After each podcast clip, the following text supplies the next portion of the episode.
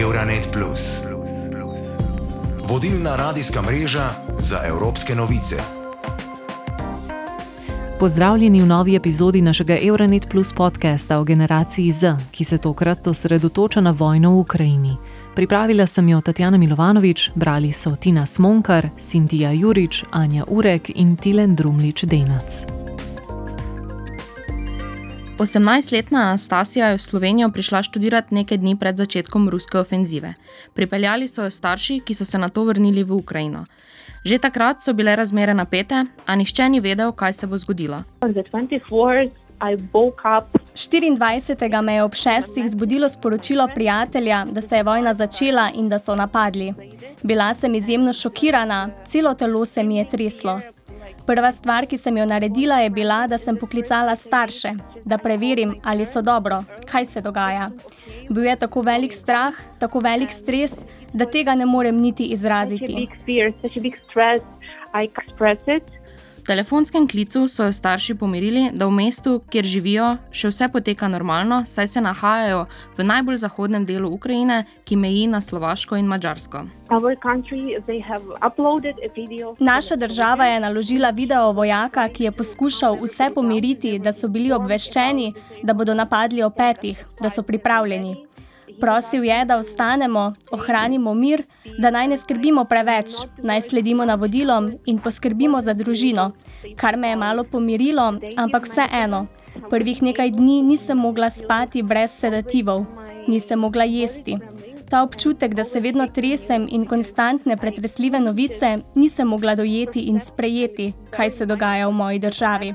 Ko sem gledala, kako bombardirajo mesta, kako eksplodira vse, preprosto sem planila v jog.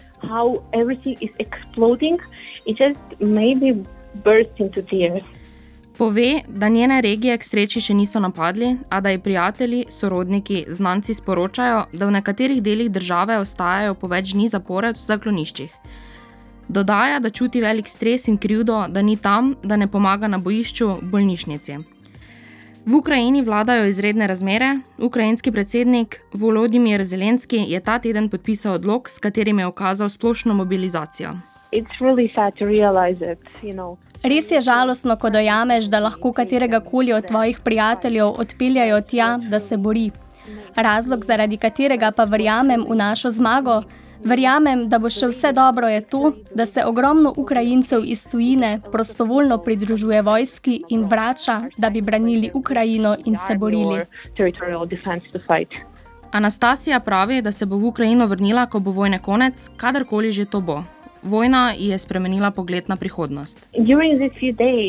V teh dneh sem dojela namen, ki ga želim imeti v svojem življenju. Mislim, da ima vsak študent, ko se začne odločati za stroko in študij, se morda počuti malce izgubljen. Kaj sledi, ima kakšne dvome o tem, kaj želi početi, a zdaj jasno razumem to, da to, kar si želim delati in kar sem izbrala za študij, je prava stvar. Želim si, da v prihodnosti predstavljam ukrajinske interese in komuniciram z drugimi ljudmi, drugimi narodi, naprimer delo v Združenih narodih, da bi svet bolje razumel Ukrajino, da prispevam k naši povezanosti in najpomembneje, prispevam k miru na svetu.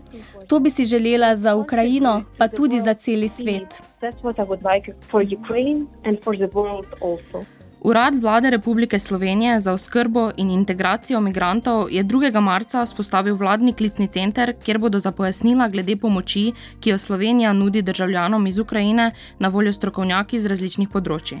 Direktorica Urada vlade Republike Slovenije za oskrbo in integracijo migrantov, magistra Katarina Štrukel, dodaja, Vladni klicni center deluje v bistvu vse čas, od 8 do 18 ure na številko 080 41 42. Za klice iz tujine je številka plus 386 14 78 753. Po tem času, po 18 uri, pa lahko zainteresirani v bistvu vsem klic preveže na mobilno številko. Spostavili smo tudi posebni elektronski naslov info.ukrajina.afna.gov.si, kjer res poskušamo odgovoriti čim hitreje na vse vprašanja. V bistvu smo pa vzpostavili tudi posebno spletno stran ki je v treh jezikih: slovenskem, angliškem in ukrajinskem, kjer so pa v bistvu tudi na voljo vse aktualne informacije, tako osebam, ki želijo urediti status državljanom Ukrajine, da pač lažje pride do vseh informacij. V klicnem centru bodo strokovnjaki dali informacije glede vstopa in bivanja v Sloveniji, postopka priznanja mednarodne zaščite in pojasnili, kako lahko posamezniki ali organizacije nudijo finančno in materialno pomoč. Že v prvih dveh dneh po odprtju klicnega centra so prejeli skoraj 750 klicev. Kako pa na vojno v Ukrajini gledajo mladi drugot po Evropi? Največ tistih, ki bežijo od vojne, se je zateklo v Poljsko. Artur Panasiuk z Polske radio. Poljska je postala pravo zatočišče za Ukrajinke, otroke in starejše ljudi, ki bežijo iz države, ki jo je zajela vojna ruskega okupatorja. Ukrajinci so sprejeti in nasiljeni po vsej državi. Poljaki jim množično zagotavljajo brezplačne stanovanja ali jih celo nastanijo kar v svojih domovih. Več deset tisoč tolmačev in prostovoljcev ukrajinskim beguncem zagotavlja hrano in nujne izdelke. Od začetka ruske invazije na Ukrajino Ukrajino so polske oblasti Ukrajincem, ki bežijo pred vojno, odprle trg dela in dostop do socialnih ugodnosti. Polsko ministrstvo za šolstvo je zagotovilo, da bodo ukrajinski otroci lahko nadaljevali izobraževanje v polskih šolah. Predsednik Andrzej Duda je beguncem iz Ukrajine ponudil prostore predsedniške palače in rezidence.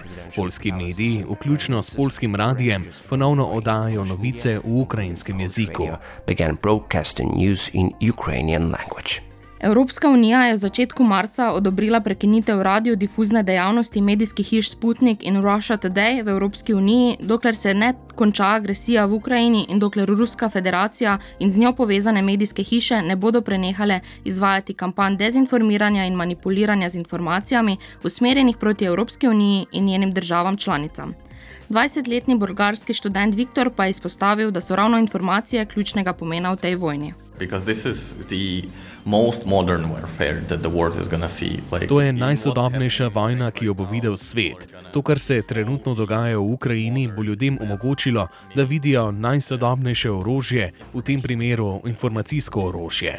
V tem smislu je konflikt drugačen od tistega v, naprimer, Siriji. Ukrajina je evropska država, kjer imajo vsi, od triletnega otroka do 80-letne ženske, pametni mobilni telefon z internetom. Vsi preverjajo novice. In zaradi tega je informacija tu ključna.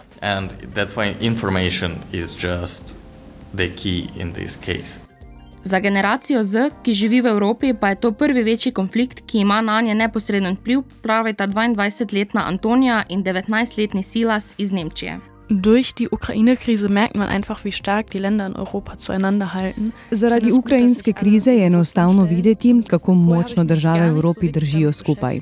Mislim, da je dobro, da so vsi proti Rusiji.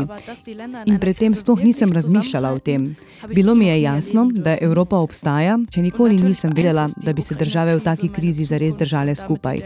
In seveda ukrajinska kriza močno vpliva na mojo prihodnost in s tem prihodnost generacije Z. To lahko vidite že v naraščaju naraščajočih cenah energije. V kolikšni meri bo kriza vplivala na prihodnost, bomo še videli.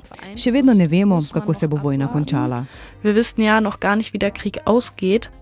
Ich kenne nur ein Europa in Frieden, ein Europa mit freundschaftlichen Beziehungen zwischen verschiedenen Ländern. Poznam samo Evropo v miru, Evropo s prijateljskimi odnosi med različnimi državami. In mislim, da je ukrajinska kriza pokazala tisto, česar dolgo nisem videl kot obstoječe nevarnosti, namreč, da je vojna v Evropi na vse zadnje mogoča. Verjamem, da je zaradi ukrajinske krize postalo jasno, da mi ali generacija Z, ki tega do zdaj še nismo poznali, miru ne bi smeli jemati za samoumevnega in da bi se ga morali vsakodnevno zavedati. Človek čuti čisto drugačno hvaležnost za to mirno življenje, ki smo ga smeli živeti zadnja leta, in celotna kriza, zdaj tudi znotraj Evrope, je spet dvignila zavest o tem in konkretno pokazala, da ja, mir ne sme biti samoumeven. Mislim, da ljudi iz generacije Z, ki živijo v Združeni Evropi in zastopajo tudi skupne evropske vrednote, ena stvar vedno združuje in to je želja po mirnem sobivanju v svetu, v katerem se ne borijo drug proti drugem, temveč sklepajo prijateljstva in se ne izključujejo, ampak so tam drug za drugega. Mislim, da te vrednote združujejo velik del generacije Z. Ich glaube, diese Werte vereint schon oder diese Werte vertritt schon ein, ein, ein Großteil der Generation Z. 20-letna Andreja, študentka politologije in mednarodnih odnosov na Ameriški univerzi v Bolgariji, pa dodaja: Хората от поколението Z са повече от Generacija Z je nasplošno odprtega duha in mislim, da bi bili bolj nagnjeni k temu, da oberejo pot diplomacije in se izognejo kakršnim koli stopnjevanjem konflikta. Verjamem, da je ta generacija odprta za druga mnenja. Če bi takšni ljudje stopili v kožo sedanjih političnih voditeljev, bi poslušali svoje svetovalce. Upoštevali bi vse različne vidike in svoje mnenje oblikovali glede na vse, kar so slišali. To bi svetu pomagalo doseči racionalne, delujoče in trajnostne rešitve. Vojna ne spada v nobeno od teh kategorij. Euronet Plus za boljše razumevanje Evrope.